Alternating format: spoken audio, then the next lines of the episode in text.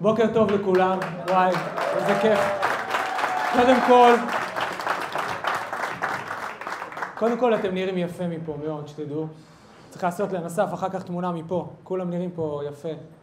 אה, כן, מאוד מרגש לראות פה כל כך הרבה חברים טובים. אצלנו חברים זה לקוחות, זה עסקים, זה הכל ביחד. יש פה אנשים שאני אני מסתכל על אנשים שאני, אנחנו הולכים איתם שמונה שנים ושש שנים ו- וחמש שנים. איה, זה פרצופים אה, חוזרים על עצמם. אז כן, זה מאוד מרגש. אה, תודה רבה שבאתם. זה גם מזכיר לנו, בדיוק דיברנו על זה עכשיו פה בשקט, מזכיר לנו את האחריות המאוד גדולה שיש לנו. אנחנו משפיעים על המון אנשים, על המון עסקים, אה, וזה ללכת כברת דרך עם אנשים, וזה כיף וזה מרגש. כמובן שיש עשרות רבות שלא איתנו, אני מקבל כל הזמן פה עשרות הודעות, ההוא לא יכול, ואנחנו אחרי קורונה, חבר'ה, כולם בחו"ל. כולם בחו"ל. אז טסו המון המון אנשים לחו"ל, אנחנו סימן שאנחנו נעשה עוד אירוע. אגב, גם האירוע הזה הוא נולד בגלל אנשים שיושבים פה. ליאור ויימן, נכון? יש לקוחות שכל הזמן אומרים לי, טל, תעשה אירוע. בוא נפגוש אנשים שמדברים שמשונית. בוא נראה עוד אנשים שפורצים גבולות, ש, שרצים על זה. אה, או אה, הנה, אנחנו יושבים פה כולנו, וזו זכות גדולה, אז תודה רבה שבאתם, באמת לא מובן מאליו. זה הדבר הראשון שרציתי להגיד. כן, מגיע לנו. אז...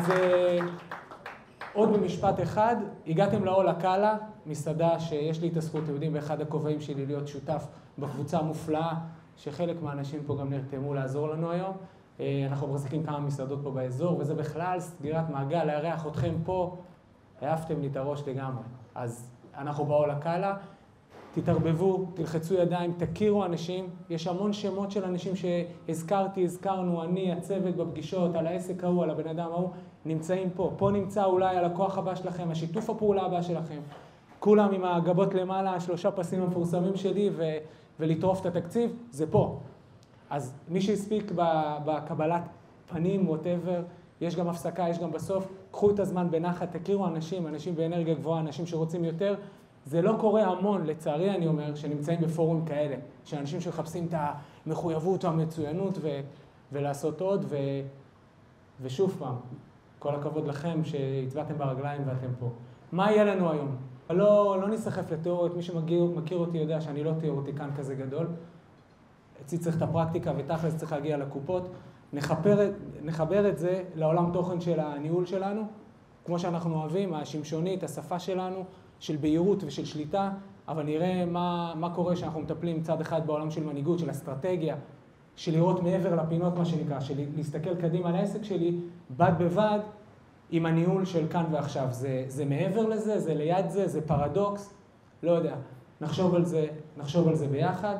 אה, מיד בסיום הסדר גודל של שעה ההרצאה הזאת, נעשה עשר דקות תרגיל, ילווה אתכם כל האירוע, הקרטונית הזאת.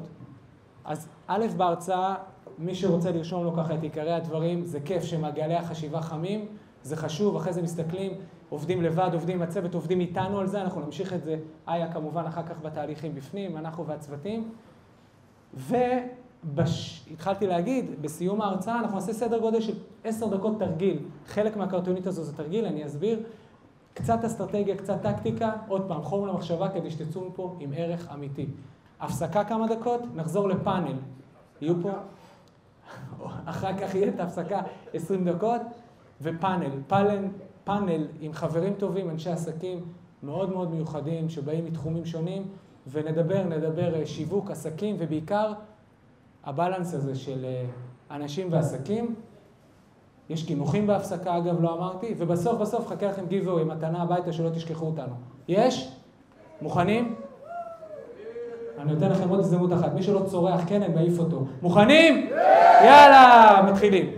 אז אנחנו צוללים למנהיגות עסקית בעידן המודרני, נושא שאותי מאוד מאוד מאוד מרתק בשנים האחרונות. אני מחליף עליו לא מעט דעות עם קולגות מהארץ, מחו"ל, קורא, לומד. אני חושב שהסיפור הזה, ואנחנו מדברים עליו המון בתהליכי הייעוץ איתכם, בתוך העסקים, הסיפור הזה של להיות משמעותי, כי אני משפיע, אולי זה לב-לב העניין הזה של להיות מנהיג.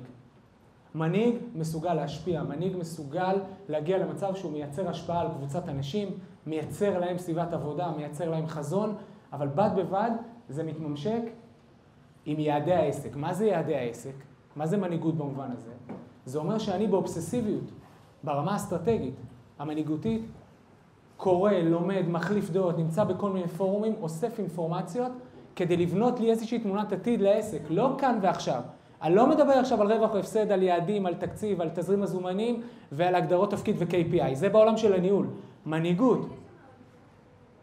כמו שהיינו, אתם יודעים, מי ש...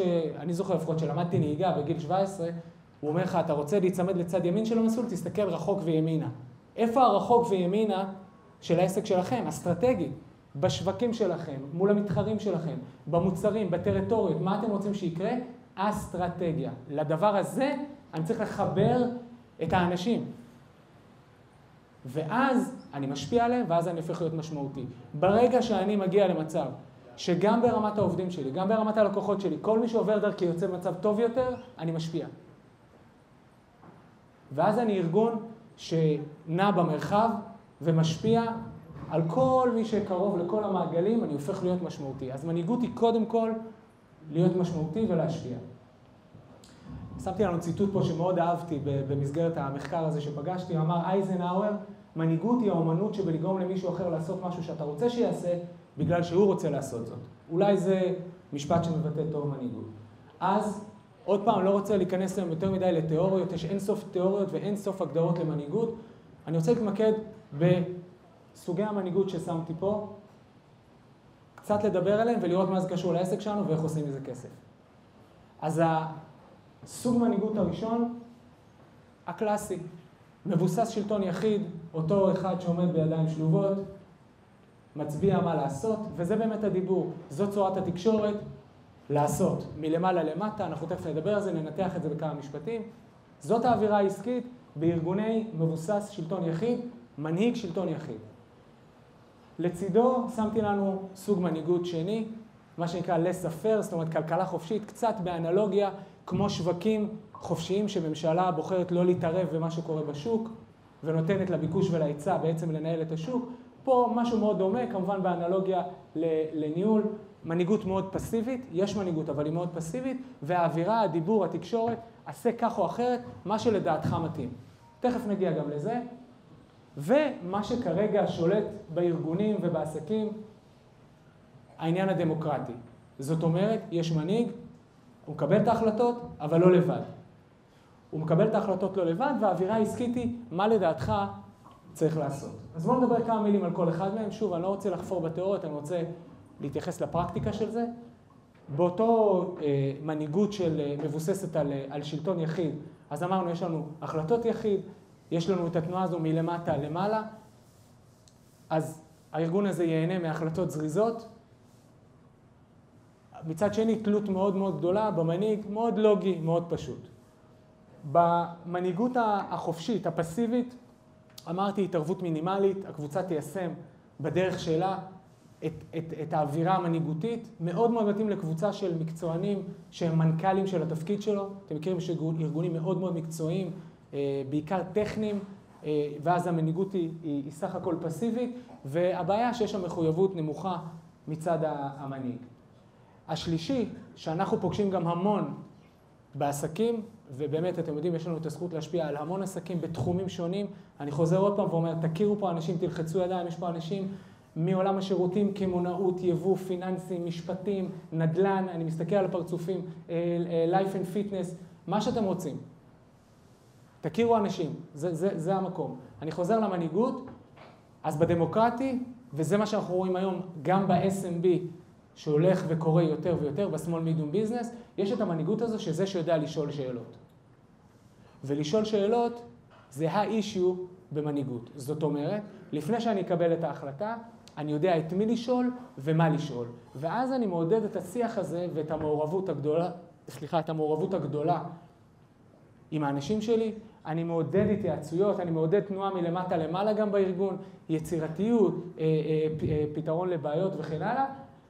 בדרך כלל זה נוטה לחזק מאוד את הארגון ואת העסק, אבל יש נטייה קצת לפעמים לחולשה. קצת אה, מנהיגות משכנעת, קצת מנהיגות מתעכבת, קצת קבלת החלטות מסורבלת, כי לכולם יש מה להגיד וכן הלאה. אז לטוב ולרע, אלה אה, סוגי המנהיגות העיקריים שאני פוגש היום בארגון. אוקיי, אז בואו ניקח את זה חצי צעד קדימה. אחרי שיש לנו את ה database, את התיאוריה, הבנו. בואו נתקדם חצי צעד קדימה. תכלס, מה זה אומר לגבי המנהיג ולגבי המנהיג עצמו? כי אני עד היום, ואתם יודעים שאני די מנוסה, בניהול, במנהיגות, בעסקים, עד היום שאומרים לי מנהיג, יש לי את הדמות של ההוא שעומד בידיים שלובות, שומר על האנשים שלו, מצביע לכיוון הנכון ונותן הוראות. עם תלות מוחלטת במנהיג. מסתבר, מסתבר, ואני אספר לכם מחקרים הכי מודרניים, על מעל 4,000 חברות שנעשו בעולם, הגדולות והחזקות. מסתבר שמאוד מאוד קשה לגדל מנהיגים. מדבר איתכם על מעל 4,000 חברות, שבסקרים שעשו, יותר מ-60% מהם העידו שהם נכשלו כישלון חרוץ בלגדל מנהיגים. בין את עצמם כבעלי עסקים, שימו לב, לא משנה גודל, ויושבים פה אה, מנעד של אה, עסקים בגדלים שונים לגמרי. מ-one man show ועד קבוצות גדולות, זה לא משנה. אני צריך לגדל את עצמי כמנהיג. מסתבר שזה לא פשוט, ובטח אם אני צריך להפוך את ה mid management שלי, את ההנהלת ביניים שלי, למנהיגים, לא משנה איזה תהליכים, אני מדבר איתכם על התהליכים הכי מודרניים, הכי מתקדמים, הכי אסרטיביים, של קואוצ'ינג, של סדנאות, של ODT, של, של כל מיני מניפולציות שאני לא אכנס איתכם לזה, והשורה התחתונה היא שלא הצליחו לגדל מנהיגים. גם בעלי העסקים עצמם העידו שהם לא התקדמו בעולם המנהיגות, וגם שהאנשים שלהם. עכשיו אני רוצה רגע לדייק, ופה אני מתחיל לרדת לרמות התכלס שלנו, כי אתם יודעים שבסופו של דבר, אנחנו לא חברת ייעוץ ארגוני, אנחנו חברת ייעוץ עסקי. ואותנו מעניין שורת הרווח והתזרים מזומנים. אז אני בא להגיד שלהיכשל כמנהיג, כל אחד מאיתנו שיושב פה, להיכשל כמנהיג בעסק שלו, יש לזה משמעויות עסקיות אה, אמיתיות. זה לא עכשיו תיאוריות במנהיגות, אה, כולם אה, מבסוטים, היו בסמינר מנהיגות. אנחנו לא שם. מי שלא מבין מנהיגות, לא מבין את השווקים. שינויים. אם הוא לא עסוק באובססיביות, בלאתר ידע חדש, בלשבת עם אנשים מסוימים, בלהסתובב במקומות מסוימים, אז הוא לא יבין את השינויים, הוא לא יצליח לגרות את ה system אצלו. ש, ש, שיבינו את השינויים, שיבנו איתו את ה vision שהוא רוצה, מה שהוא רואה, מה שנקרא, מאחורי הפינות. אם לא אני, אז מי? ולפעמים אני מגיע, חבר'ה, אני מגיע לעסקים שלכם, ולפעמים אנשים לא מבינים מה הולך לקרות. לא שכולם, אנחנו לא נביאים, אבל יש אפשרויות לנתח, אם יהיה לי את התשומת לב לשם, ואני שואל אותם, אחי, מי אתה רוצה? אתה רוצה שאני אגיד לך מה יהיה? בוא אני אגיד לך מה יהיה. אבל אתה, אתה, אתה צריך לרוץ, להסתכל בראי ולנסות להבין את השינויים שצפויים בשווקים שלך. איך אתה מגרה את הסיסטם שלך שיבוא ויעזור לחברה הזאת לצמוח בהתאם. ואם אתה לא תנווט את זה בצורה מדויקת, ושמתי לנו את זה פה באדום, לא תנווט בצורה מדויקת, זה לא משנה מחלקה, עובד, ספק, קולגה, שיתוף פעולה, זה יגיע בסוף לקופות, זה יגיע להכנסות. נכון או לא? נכון או לא? בסוף נמצא את זה בקופות. אז להיות מנהיג כן או לא, זו לא שאלה אידיאולוגית, זו לא שאלה תיאורטית של קורס ומנהיגות, אה, ארבע נקודות באוניברסיטה. זו שאלה של לדעת לעשות עסקים כן או לא. היום בעולם המודרני שהוא טס והוא גלובלי והוא על גבול המטורף. בכלל, להיות היום בעל עסק במדינת ישראל זה לא דבר שפוי. כל הפורום הזה שיושב פה, אנחנו זקוקים לאיזושהי עזרה כנראה, כי זה לא, כל התנאים האובייקטיביים הם לא, לא בדיוק תומכים בלהחזיק עסק היום במדינת ישראל, ולמרות זאת אנשים עושים, ומי שעושה טוב עושה עסק טוב, אבל זה דורש רמות מנהיגות לצד ניהול, שתכף נגיע אליו, ברמות הגבוהות. אז מה בכל זאת הופך אדם למנהיג עסקי בולט בעידן המודרני? מה יגרום לי ללחוץ על פליי ולהגיד, הוא הבין את הרעיון. אז כימדתי לכם את זה, כמו שאני אוהב, לשלוש שאלות מרכזיות. אתם מוזמנים לרשום לכם את זה, חבר'ה, יש לכם את זה. פה. יש? אין עטים על השולחנות? אפשר לפזר עטים? כן. אני ממשיך. שאלה ראשונה, חבר'ה, שלוש שאלות שמי שידע לתת, לתת לעצמו תשובה טובה ולהתנהל בצורה איכותית ואמיתית, לתת מענה לשאלות האלה, הוא בדרך הנכונה להיות, לעניות דעתי, מנהיג עסקי בעידן המודרני. השאלה הראשונה, להיכן את או אתה מסתכל, מסתכלת, כדי לצפות ולחזות שינוי. הכוונה היא שהתשובה נמצאת בלוח שנה שלכם. ביומן פעילות שלכם. לאן אני נוסע, עם מי אני מסתובב, עם מי אני מחליף דעות, עד כמה אני מעמיק, מה אני קורא, באיזה, אה, מה כתבתי פה, איך, איך, אני, איך אני, בקיצור, שורה תחתונה, איך אני אוסף, איך אני אוסף את האינפורמציות כדי לבנות לי תמונת עתיד נכונה לעסק שלי, שבעצם הוא יחידת רווח והפסד שיושב באיזשהו ספקטרום, באיזשהו מרחב, ואני רוצה להבין לאן אני אמור לקחת אותו, וכל השינויים הגלובליים האלה, מקרו, בסוף גם מיקרו בסביבות שלי, איך זה משפיע עליי, והדגש הוא בזמן. כולנו מכירים מותגים מאוד חזקים כמו קודק, כמו אלטה ויסטה. זוכרים את אלטה ויסטה? היה מנוע החיפוש הראשון, דורון כמובן זוכר, היה מנוע, היה, הוא היה גוגל של תחילת שנות ה-90, הוא היה היחידי, הוא נעלם. פשוט גוגל העלימו אותו, אחרי זה יהוא קנו אותם והם נסגרו אני חושב בכלל. אז הדגש הוא בזמן. אני כמנהיג, האנשים שלי, וגם אם אני one man show, בכובע שלי כמנהיג אני מצפה מעצמי לראות קדימה מה שהאנשים שלי, או שאני בכובעים האחרים שלי בעסק, לא רואה. להגיד להם, תפסו לי במכנסיים, ימינה ורחוק, זה שם. מה נעשה עם זה ברמה הטקטית הניהולית? תכף נדבר. אבל מנהיגותית, אני חייב להסתובב, לפתוח את עצמי, לאסוף אינפורמציות ולהבין בזמן את השינויים בשווקים, לאן העסק הזה צריך ללכת. אז מנהיגים עסקיים גדולים מסתכלים מעבר לפינות ומעצבים לעצמם את העתיד, הם פחות תוצאתיים. זה כן נבדק. מנהיגים בעידן המודרני עסקיים לא היו תוצאתיים, הם לא חיכו, הם יצרו מצב חדש לעסק שלהם ומול השווקים שהם עובדים בהם. השאלה השנייה, מה מידת הגיוון של מערכות היחסים שלך, הבין-אישיות, העסקיות? האם, כמו כולנו, אתה עובד עם מה שיש? ותהיו כנים, עם יד על הלב, אנחנו משפחה, משפחת uh, טל שמשון מאסטרים בניהול פה, עם יד על הלב. כמה פעמים אנחנו בוחרים את הדרך הקלה? לעבוד עם מה שיש, לעבוד כבר עם האוטומציה שקיימת, לעבוד כבר עם העובד הזה, הוא לא נותן לי את התשובה, אבל מה עכשיו אני אתחיל להחליף? קשה למצוא אנשים. האזור נוחות הזה למנהיג זה אסון. לא למנהל, תכף נדבר על המנהל, המנהל הוא טקטי, הוא לוגי, הוא מתעסק בתהליכים קיימים שיש לו.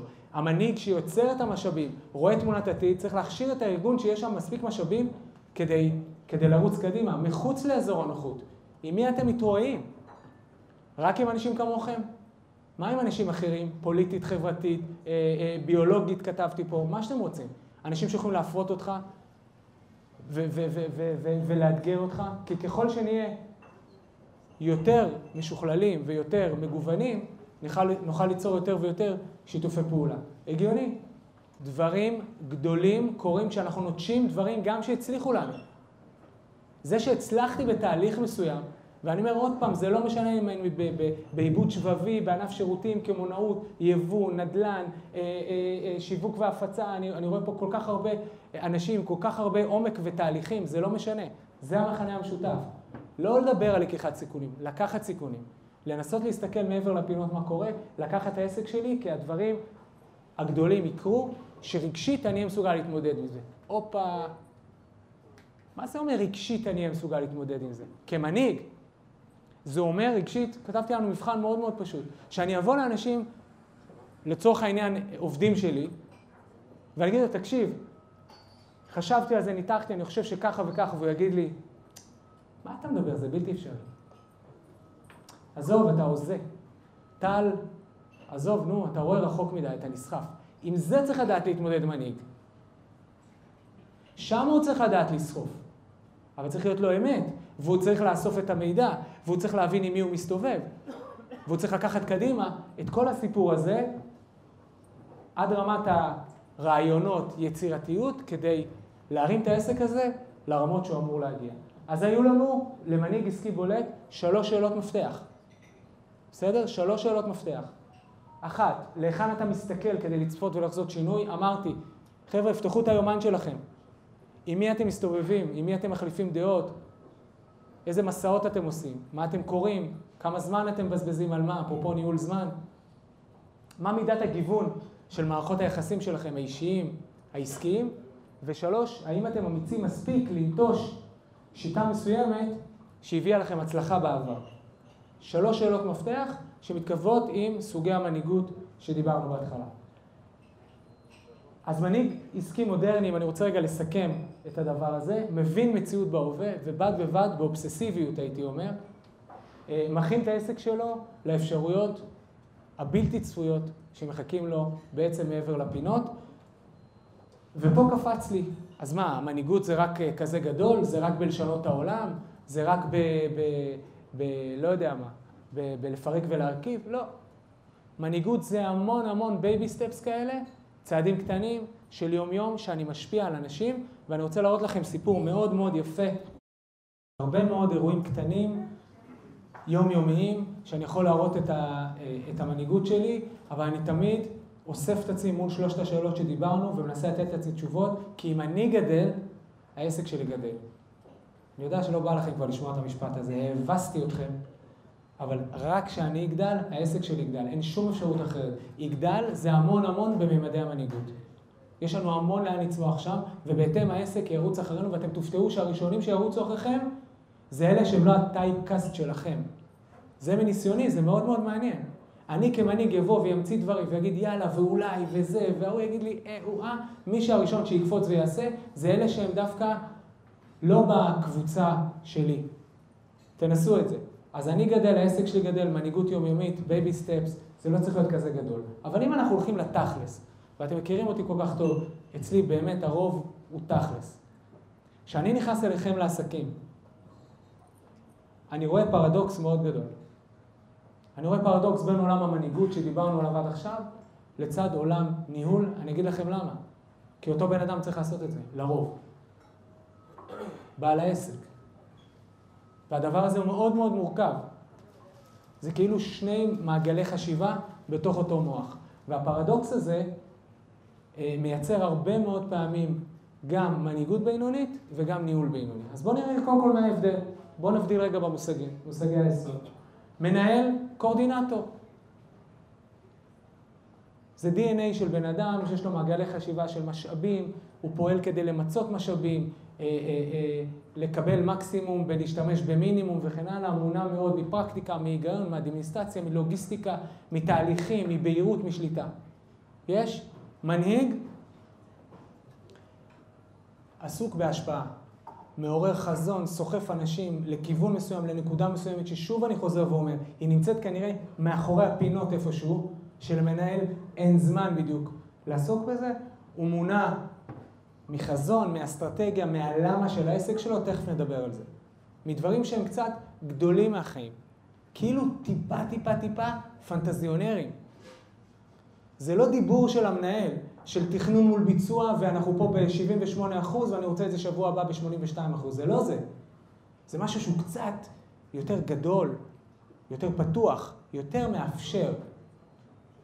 ואם אנחנו הולכים לפרקטיקה במובן של מנהיג, צריך את הזמן כדי לעשות את זה. כי אני לא יכול כל היום לרוץ אחרי הזנב שלי ואז להגיד, עכשיו יש לי חצי שעה של מנהיגות. זה לא עובד ככה. אני צריך לפנות לזה את הזמן, אני צריך להסתובב במקומות הנכונים, אמרנו, אני צריך להחליף דעות עם האנשים הנכונים, וכן הלאה וכן הלאה. אז קצת על האווירה העסקית שלהם, מנהל, אמרנו, הוא בפוקוס, מקוון משימות, אה, אה, נעזר בתהליכים ולוחות בקרה, מאוד לוגי, לרוב ידבר בשפת אני. המנהיג ידבר לרוב על אנחנו, יראה טווח ארוך, יתבונן לעתיד, אה, שופע חזון וכריזמה ו- ו- והרבה מאוד, אמרנו, אינטואיציות.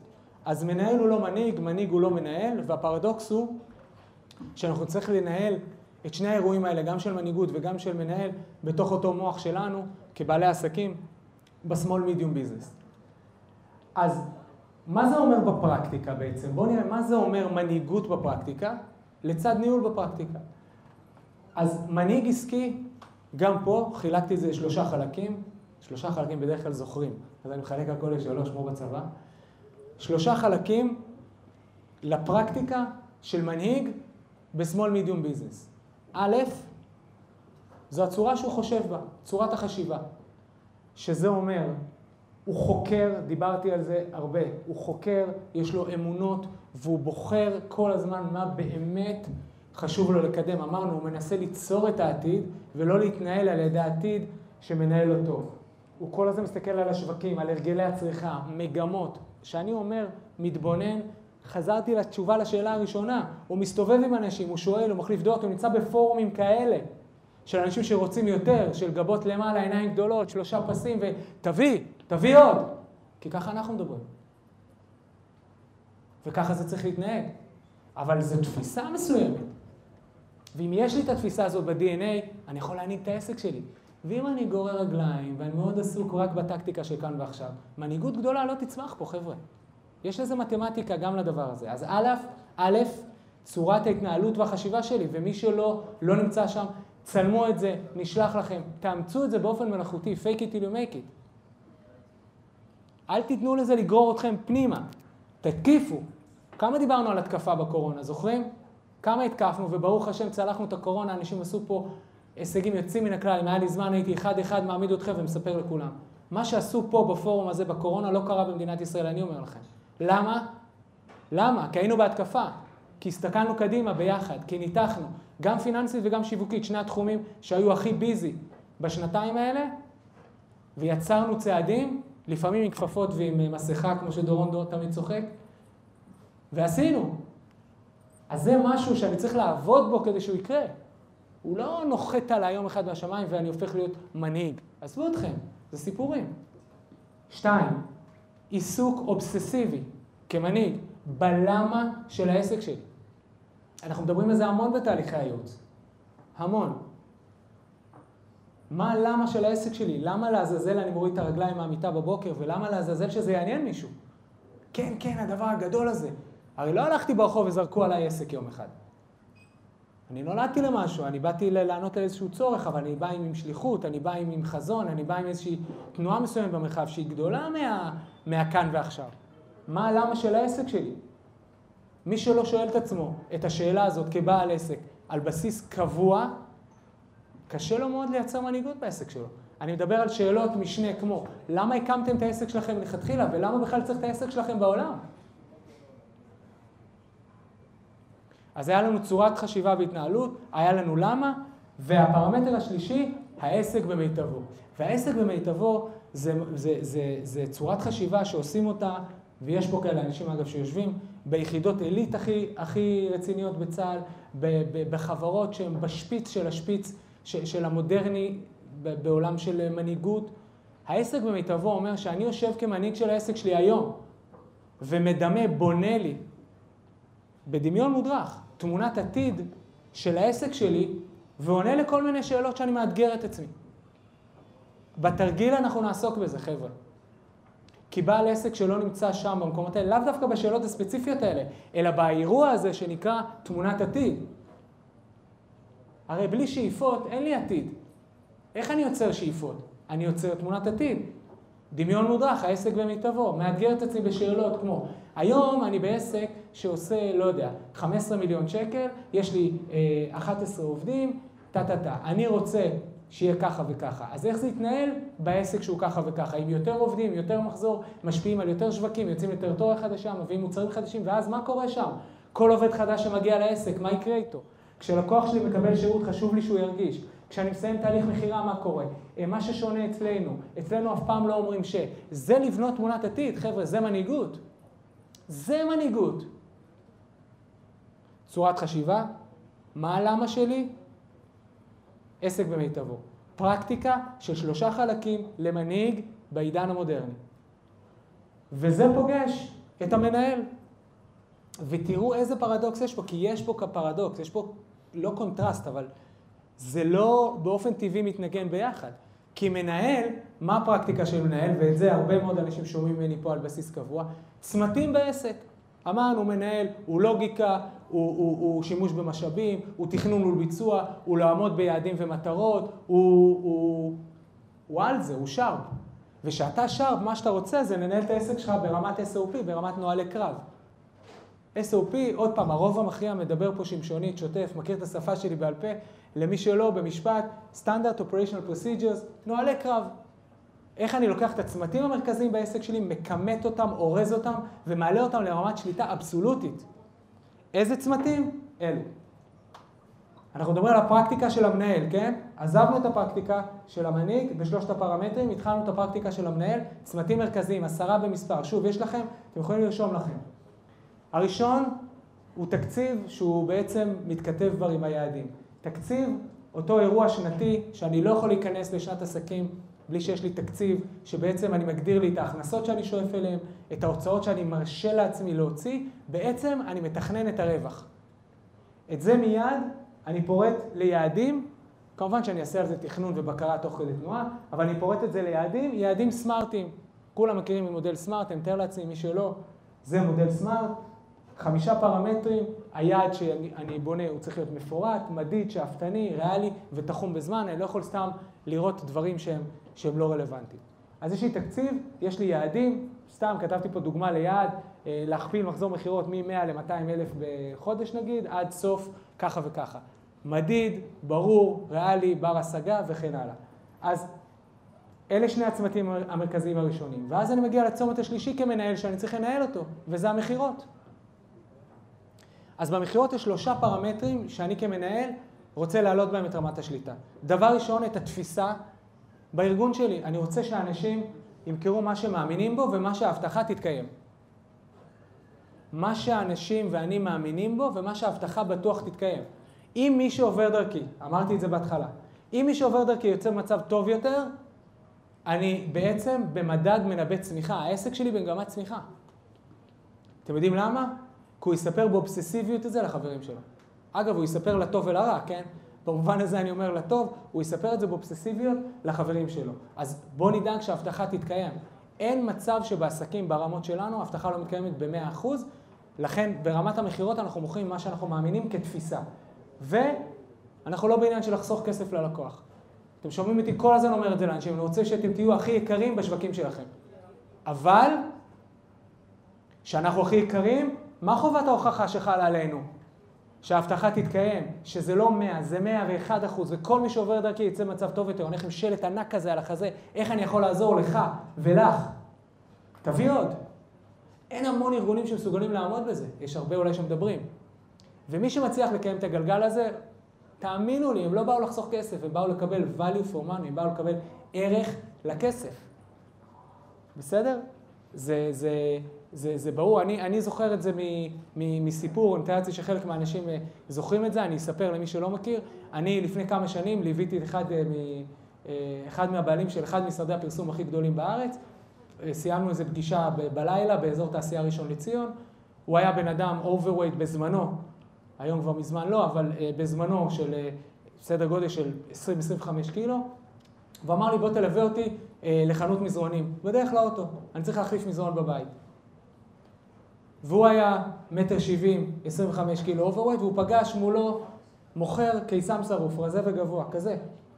והתחיל שם מחול טנגו כזה על הרצפה. המוכר מציע לו רק מה שזול.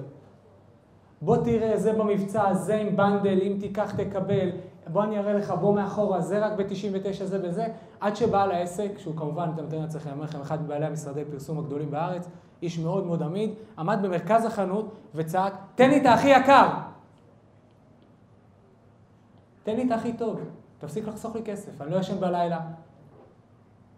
אני מקבל החלטות לא טובות על כספים מאוד גדולים, תפסיק לחסוך לי כסף, תן לי את הכי טוב. גלינג, נפל לי האסימון. אנחנו כל כך מונעים בסיפורי הכסף שלנו, של לחסוך להם כסף, וזה מחלחל לנו לתוך הארגונים. ואני כמנהל צריך לדעת לשים פה system.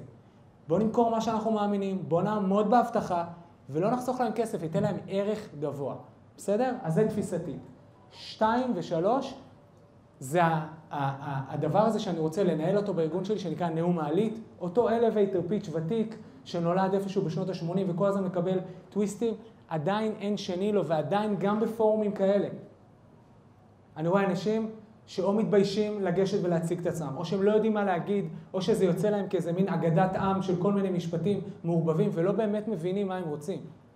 Elevator pitch הוא צריך להיות 12-14 שניות, לדבר על הערך שאני עונה עליו ועל הצורך שאני, שהארגון שלי עונה עליו, פשוט. בסגנון, אה, היי, אני טל, מטל שמשון מאסטרים בניהול, במשך העשור האחרון עזרנו למאות עסקים וארגונים בישראל אה, להשיג את המטרות העסקיות שלהם אה, תוך מתן שירות עילאי. לא יודע מה, זה לא בקופי טוב, זה עכשיו מהראש, זה הסגנון. שלושה משפטים, מה הערך שאתה נותן, על איזה צורך אתה עונה ולמה לעזאזל זה מעניין אותי. עכשיו, זה לא תמיד צריך להיות כזה פורמלי, זה גם יכול להיות לפעמים ביום הולדת עם הילדים בגן, עם אחד ההורים, אבל צריך להיות שם ערך, צורך וקצר. ונאום מעלית הוא משהו שהרבה מאוד חוטאים בו, גם על זה אנחנו נעבוד בקצרה בעשר דקות רגיל הזה שלנו. נעשה קצת עסק במיטבו, נעשה קצת נאום מעלית ונעשה קצת בידול. ה-USP, ה-Unique Sellings Proposition, שהוא כל כך, כל כך, כל כך חשוב. והוא יכול להתבטא גם בצורה הטכנית שאתה מפעיל את החברה. אתם יודעים שנגיד החברה שלנו עובדת כחברת ייעוץ הארדקור אמיתי, אנחנו עובדים בריטיינרים חודשיים. כשאני נכנסתי לשוק הזה לפני סדר גודל של עשור, לא היה כזה מודל עסקי. יעידו פה חברים טובים ותיקים. היה קורסים, קורסים ארוכים. אני לא רציתי, לא רציתי לחייב אנשים, אני לא אוהב שמחייבים אותי כצרכן. רציתי לתת ערך ורציתי מערכת יחסים שכל הצדדים מחליטים כל חודש מחדש שהם ממשיכים. כי ידעתי שזה מה שיגרום לזה להימשך לטווח ארוך, ובמובן הזה צדקתי. אז זה בידול הטכניקה של המודל העסקי מבודלת מהשוק. אגב, זה לא היה עם כוונת תחילה כזאת גדולה, זה היה מתוך איזה אני מאמין, מסתבר שלפעמים זה עובד. זה יכול להיות בידול, זה יכול להיות בידול במוצר עצמו, בצורה שאני מגיש את המוצר, בצורה שאני מערבב את המוצר, אבל חייב להיות לי בידול. אתם יודעים למה? אני מזכיר לכם, גם את זה אתם שומעים ממני לא מעט. כל בן אדם שיפגוש אתכם, ישאל את עצמו שלוש שאלות לגבי העסק שלכם. למה? למה בכלל אני צריך את אותו, את אותו עסק או שירות שלך? אז אתה נותן לו את הנאום מעלית. אה, הבנתי. ואז הוא שואל את עצמו, אוקיי, אז למה ממך? כי יש בארץ עוד איזה כמה אלפים שיודעים לתת שירות כמו שלך. ולמה ממך, או למה דווקא ממך, אם אנחנו רוצים לעשות את זה קצת יותר סונט ומרגיז, למה דווקא ממך? בגלל הבידול שלי. הצורה שאני מציע את המוצר הזה, הטכ... הטכניקה שאני מציע את המוצר הזה וכן הלאה וכן הלאה. אז כשאני בא כמנהל לנהל את הדבר הזה שנקרא מכירות, יש לי פה עניין של תפיסה, עניין של אה, אה, בידול, והנאום העלית שלנו כמובן, בסדר? שלושה דברים. אני עובר לצומת הבאה שאני בפרקטיקה של המנהל מנהל.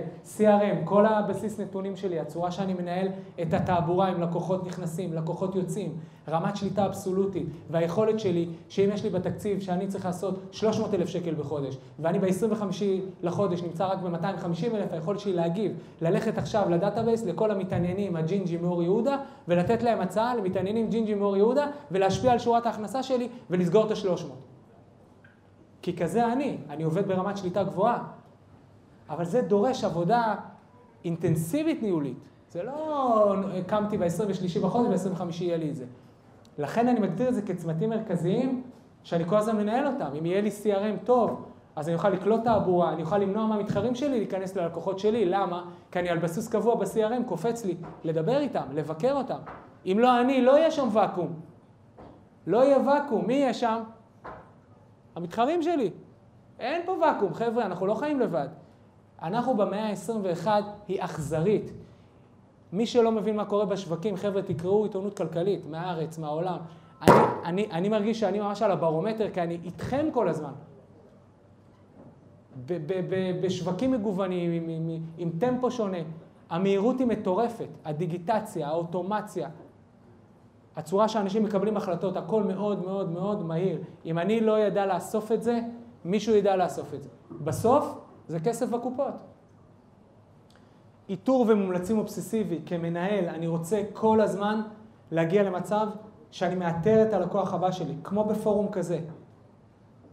מאתר את הלקוח הבא, את השיתוף פעולה הבא, אני הולך עם האנטנות פתוחות ומחפש את האנשים האלה. ובאותה מידה, מי שכבר השפעתי עליו לטובה, אני אומר לו, תביא לי את החברים שלך. לכן אמרתי, גם ברמת האיתור לקוח ושת"פ הבא, וגם ברמת החבר מביא חבר, אני אובססיבי. יש כמנהל, אני ואני מפעיל ככה גם את האנשים שלי. צוות מנצח זה ברור, אין הרבה מה להרחיב, אני רוצה שכל אחד שנכנס לעסק שלי יהיה יותר טוב ממני. פשוט. כל מי שמשפיע על העסק שלי שיהיה יותר טוב ממני. אתם תשמעו בפאנל שאנחנו נדבר בחלק השני עם חברים מאוד טובים, אחד מהם עומד שם בסוף עידן וולר, שהוא לקוח וחבר מאוד טוב וותיק, ועידן ידבר על, על, על למנף, על לעשות, על ל, ל, לשים אנשים שמומחים הרבה יותר ממנו בנישות מסוימות בעסק שלו ולהעיף אותו קדימה. גישה, צוות מנצח. המחרה, פשוט שני מושגי יסוד שאנחנו חייבים כמנהלים לנהל ולזכור ולהזכיר לחבר'ה שלנו. התמחור בעסק שלי הוא יכול להיות בעולם ה costing הכלכלי, שזה הרוב יודעים. עלה לי שקל, אני רוצה למכור במכפיל שלוש, בשלושה שקלים, בסדר? אבל לא תמיד זו צורת ההמחרה, או יותר נכון, היא כבר לא המודרנית ביותר, היום מדברים על pricing, על המחרה, על תמחור בכלל שהוא אה, שיווקי. אם יש לי אה, מכון יופי, אבל עוד פעם, באמת, לא בכאילו, אני לא עובד על אנשים, באמת, קרמים ששמים anti-aging, הם מורידים קמטים ליד העיניים, לגברים, לנשים, you name it. והקרם הזה, ההבטחה מתקיימת. נכון אמרנו שההבטחה מתקיימת? ההבטחה מתקיימת. אבל הוא עלה לי 50 שקל לייצר אותו, אבל יש לו בשורה והוא משפיע על שווקים והוא הרבה יותר טוב מהמתחרים. אז אם הוא עלה לי 50, אני חייב למכור אותו ב-150? ממש לא. מה הערך הנתפס של הלקוח? יש פה עוד המון המון המון אוויר בפנים, אולי אני יכול למכור את זה ב-600 שקל. לא תמיד התמחור הוא costing, הוא יותר ויותר הופך להיות pricing. מכניסים המון ערך למיתוג, למוצרים, לשירותים, כדי לתמחר אותם pricing ולאו דווקא costing. אגב, בקורונה ראינו שחברות, אני אומר לכם סטטיסטיקה, דברים ש, שאמרתי גם בכל הראיונות בטלוויזיה בתקופת הקורונה. חברות שעבדו במרג'נים נמוכים, בשולי רווח נמוכים, כי התמחור שלהם לא נכון, נעלמו בקורונה. עוד פעם, חברות שסובבו כסף לפני הקורונה ועבדו במרג'נים נמוכים, הקורונה כאילו עשתה להם אפצ'י והעלימה אותם. לקוחות, אני אומר עוד פעם בגאווה, שיושבים פה, ואנחנו עובדים על תמחור ומתבוננים על תמחור ושומרים על שיעורי הרווח שלנו, ידענו לשרוד את זה. הרבה מאוד פעמים התמחור הוא pricing ולא costing, זה מאוד תלוי בשוק, מאוד תלוי במתחרים, אבל שימו לכם את זה בראש, זה צומת שאתם כמנהלים רוצים לנהל אותה. ואחרונים חביבים, אולי החשובים ביותר, יש פה גם מאחורה הרולאפ שאומר את זה, עסקים לא נופלים על הרווח ההפסד, נופלים על תזרים מזומנים. יש כאלה שכבר נמאס להם לשמוע את המשפט הזה ממני, אבל לא יעזוב. מי שמבין עסקים מבין, עסקים לא נופלים על רווח והפסד. בטח שאנחנו עובדים בשביל הרווח, ובטח שאנחנו רוצים שולי רווח, ובטח שאנחנו מתחרים עם עצמנו, עם התקציב משנה לשנה להגדיל הכנסה ולהגדיל רווח, אבל, יש פה אבל גדול. אזור ההשמדה, אזור הסכנה, הוא בצד התזרימי של העסק. הוא לא בצד של הרווח והפסד. ולכן, אני רוצה לנהל את זה עם תחזית תזרים מזומנים, כמו שאני מנהל תקציב, תחזית תכנון מול ביצוע, אני אנהל תזרים מזומנים, תכנון מול ביצוע כמו שצריך, ואני אכניס לכל העסק שלי, נקודה אחרונה כמנהל, לוחות בקרה. אני לא אלאה אתכם יותר מדי בלוחות בקרה, אבל יש יומיים, יש שבועיים, יש חודשיים. אני רוצה ברמה היומית להבין מה קורה בכל העולמות שלי ברמה היחסית, גם השיווקים, גם הפיננסיים, ובאותה מידה השבועי ובאותה מידה החודשי. למשל, ברמה החודשית, לקבל דוח רווח והפסד, לשבת איתנו ולנתח אותו, דברים שאנחנו עושים. להשתמש בדוחות קלאסיים כמו like for like, שנה מול שנה, על תקופה מסוימת, ולהבין מה היה המחיר הממוצע שם, כמה עסקאות עשינו, למה בשנה, בשנה כזאת זה יתנהג ככה, בשנה כזאת אחרת. אפרופו גם להבין, כבר, להבין קצת יותר את השווקים. דוחות כמו year to date שרשומים פה. יש לי תקציב ואני כל הזמן עוקב אחריו ברמת תכנון מול ואני היום נמצא ב-13 באוגוסט. אני רוצה לדעת כמה מה-1 לינואר עד ה-13 לאוגוסט עשיתי. מה עשיתי? לא יודע, כל פרמטר שאני בוחר אה, לחקור, בהכנסה, בהוצאה, whatever, אבל ברגע שאני עובד מה-1 לינואר עד אותו יום בשנה, זה נקרא year to date. דוגמאות, בטח שברמה השבועית אני צריך להבין את הפעילות הדיגיטלית שלי ולעשות אופטימיזציות, לא תמיד הכל עובד. כל אלה שעובדים עם משפחים שיווקיים, ROI'ים, החזר השקעה על, על, על הפרסום שלי. וכמובן, לוחות בקרה שאנחנו עובדים ב... לרוב אה, בעסקים, שממש תמונת מצב, חיתוך רבעוני, חיתוך אה, חציוני, גם בעולמות פיננסיים, גם בעולמות שיווקיים, גם בעולמות של עסקאות ממוצעות, של רווח, עוד פעם, כדי לייצר בהירות ולהעלות את רמת השליטה. זה התפקיד שלי כמנהל. אז זאת הפרקטיקה של מנהל. אז היה לנו פרקטיקה של מנהיג, היה לנו פרקטיקה של מנהל, הם פרדוקס, הם מתנגשים, הם אחד ליד השני, הם אחד מעל השני, הם אחד מתחת לשני, לא יודע, זה לא מתמטיקה חד ערכית, אני לא יודע להגיד לכם. אני יודע רק שצריך את שניהם, וזה יוצר הרבה מאוד פעמים קונפליקט ביני לבין עצמי, ביכולת שלי גם להנהיג וגם לנהל עסק אה, קטן אה, בינוני. בסופו של דבר, בעולם הניהול, אתם זוכרים בשולש הניהול המפורסם שלנו, בסופו של דבר הסיסטם הניהולי שלי כמנהל, בפרקטיקה, אני צריך לנהל שלושה אירועים לא מורכבים. אני צריך שהשיווק והמכירות שלי יהיה best, בטח בטח פרואקטיביות, בטח בטח יכולת לצאת ולתקוף את השווקים, את קהלי היעד שלי. זאת אומרת, בשיווק להפוך קהל יעד לליד, זאת ההגדרה של שיווק, ואת הליד לייצר איתו תקשורת מכירתית, לפי מודל מכירות מסודר וכן הלאה וכן הלאה, ולהביא אנשים לפתח הבסטה, להביא אנשים לפתח העסק שלי. אני מחייל אותם, הסכם שכר טרחה, whatever, הוא הופך להיות לקוח שלי, אני מבצע את העבודה. פה הבטחתי הבטחה, פה אני מבצע את העבודה, וזה נכנס לי לדוח רווח והפסד, נכון? כי בעצם אני אומר לרואה חשבון שלי, שיושב שם, אגב שי, אהלן, שי תרשום עוד לקוח שנכנס בריטיינר, אה, שים לי אותו ברווח והפסד, נכון? והלקוח הזה מקבל את הניירת, וברוך הבא, ומעלים אותו ללוז אצלנו, וכן הלאה וכן הלאה. ברגע שהתחלתי לעשות את העבודה, זה עובר לצד התזרימי, אני פוגש את הכסף, וחוזר חלילה. כמה שיותר אנשים יעברו על המשולש הזה, זה לא משנה מה העסק. זה יכול להיות חנות שיש לה 150 פעולות ביום, זה יכול להיות עסק נדל"ן שיש לו 3-4 נקירות בחודש, וזה יכול להיות עסק של אה, אה, יבואן. בסופו של דבר יש משולש ניהול. כמה שיעשו יותר תנועה למשולש ניהול הזה, מצבי טוב יותר. העניין הוא שכל המשולש הזה חייב להיות מלווה בנוהלי קרב ברורים, כדי שרמת הבהירות והשליטה שלי תהיה אבסולוטית. אז מה היה לנו פה בשעה האחרונה?